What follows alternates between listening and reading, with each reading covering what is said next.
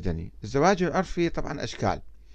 الزواج العرفي يعني إما أنه يسجلوا بالورق بيناتهم الشاب والمرأة آه، يسجلون عقد الزواج ويعطي الزوج ورقة للزوجة أن أنت زوجتي بهالتاريخ بهالمهر بهالشروط وما آه، يسجلوه في المحكمة ما يسجلوه عند الدولة. وهو قد يكون مكتمل الأركان. يعني في ولي وفي شهود وفي مهر وفي عقد وكل شيء ولكن لا يسجل في المحكمة.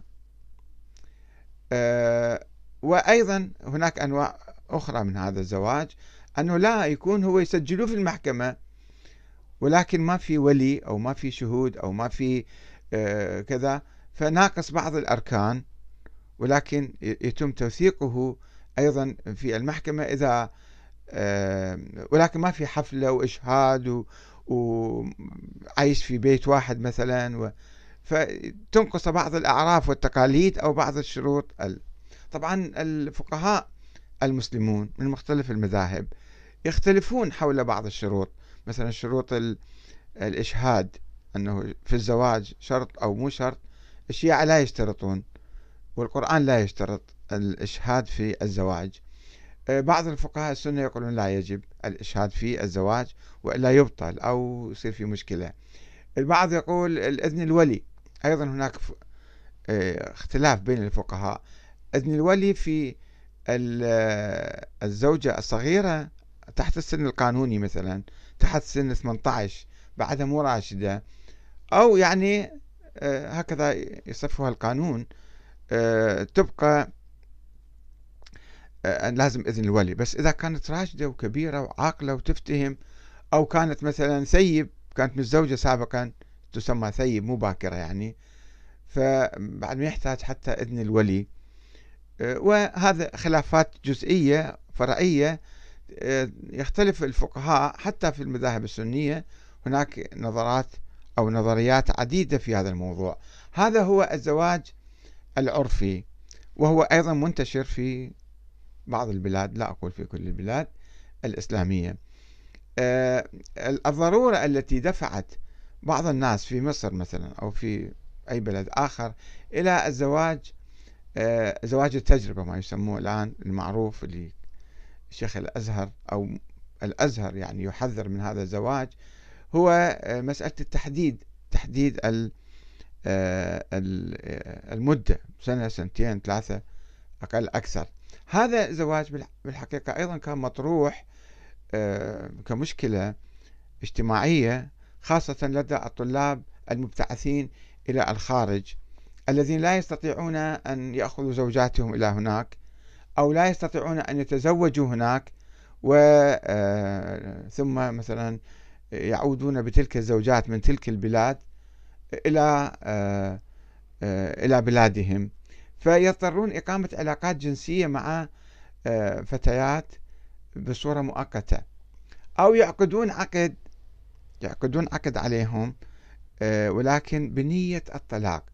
أنه الزوج هو ناوي أنه بعد ما آه، يكمل دراسته مثلا أو يكمل شغله أو عمله أو أي شيء كان عنده بالخارج بعد سنة سنتين خمس سنوات يطلق هذه الزوجة. ولكن لا يخبرها فالخلاف بينهم آه، أنه يجوز هذا الزواج هذا يتضمن الغرر والغش والخداع أن واحد يتزوج وحدة وبعض الناس يسموه زواج آه، المسفار أو زواج السفر. يروح يتزوج يروح إلى بلاد معينة لا أريد أن آتي بأسمائها آه، احتراما لتلك البلاد لمدة أسبوع لمدة شهر يروح يصيف. يصيف بالبلد الفلاني يبقى مثلا فيتزوج يسوي حفلة وكذا ويتزوج بنت حتى تكون باكرة مثلا وصغيرة. يتزوجها ويعطيها فلوس وكذا وبعد شهر بعد أقل من ذلك أو أكثر يتركها ويروح. لأنه لا آه لم يعلمها أنه يطلقها يقول أنا خلاص طلقتك.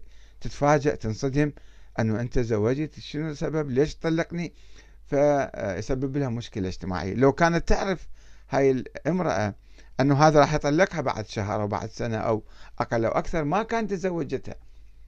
بس صار في خداع لأنه هو من كان يستحرم يقول إذا قلت لها أنا راح أطلقك بعد سنة أو بعد شهر أو بعد آه كذا سنة راح يكون حرام هذا. طيب ما أنت وقعت بحرام أكبر.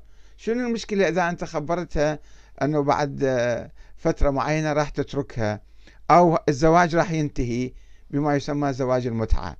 فزواج المتعة أفضل أن تخبر الزوجة أه وتقول لها أنا راح أطلقك يقول لا حرام ما يجوز. ما يجوز يخبرها أنا راح أطلقها. خليه في ذهنه يخلي بذهنه ما يخالف. ما في إشكال أنه هو أه يخدعها يقول أنا بدي أتزوجك زواج دائم ولكن هو ناوي بعد فترة يطلقها هذا حلال. أما إذا قال لي أنا أطلقك بفلان فترة هذا حرام. يبدو هناك تمرد على هذه القوانين الاجتهادية الظنية.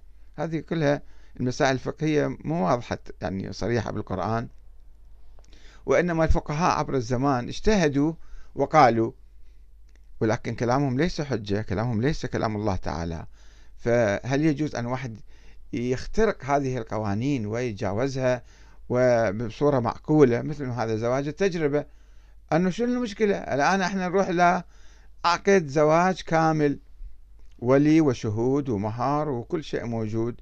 بس أنه يابا إحنا ما مطمئنين إلى بعضنا البعض المرأة خاصة تقول أنا ما أدري أنه هذا الزوج ما أعرف طبعه ونفسيته وسلوكه. بعد فترة من الزواج أتندم أنه هذا شلون إنسان مو صالح لي مو مناسب لي. فتضع شرطا تقول يا خلينا نفكر منا بعد سنة إذا شفت أنه أنا ما مرتاحة إلك أنت طلقني.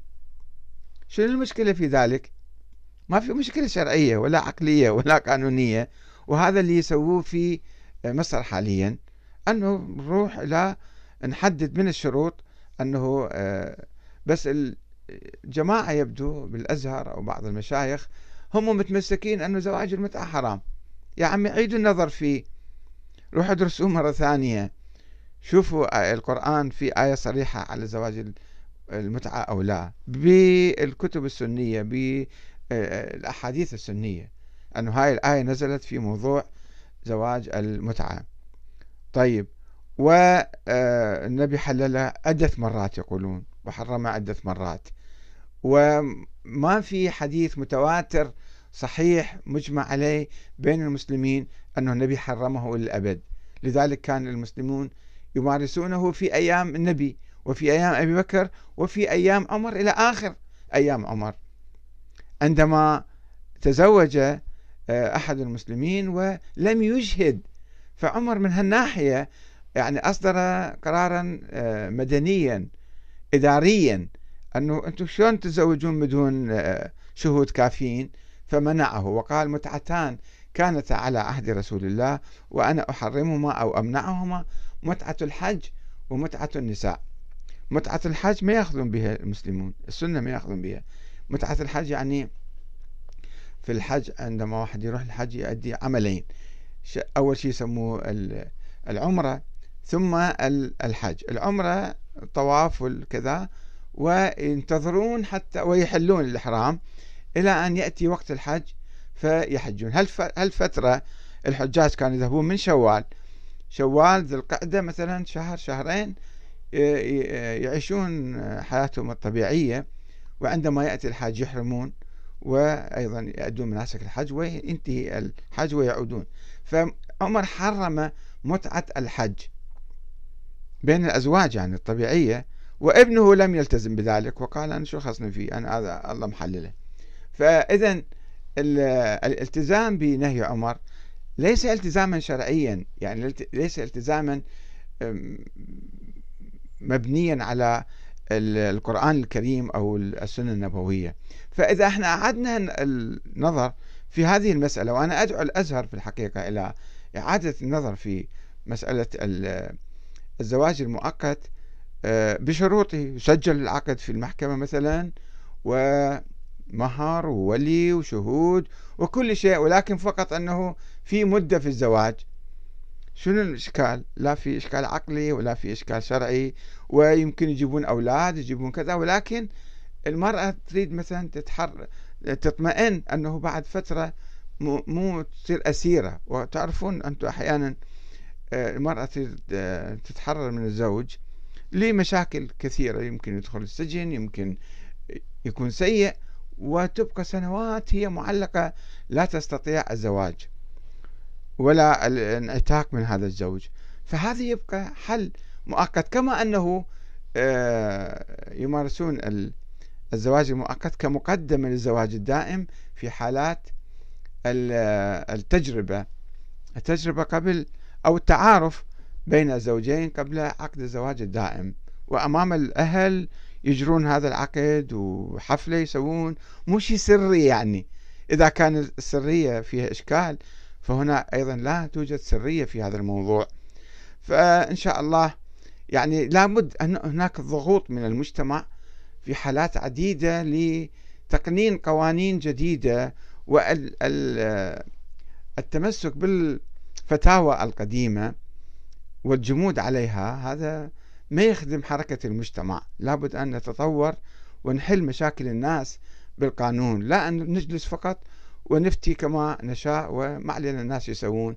يروحون بعدين للحرام بعدين يروحون للمشاكل. تحدث عندهم هذا مو ما نفكر فيه. والسلام عليكم ورحمة الله وبركاته.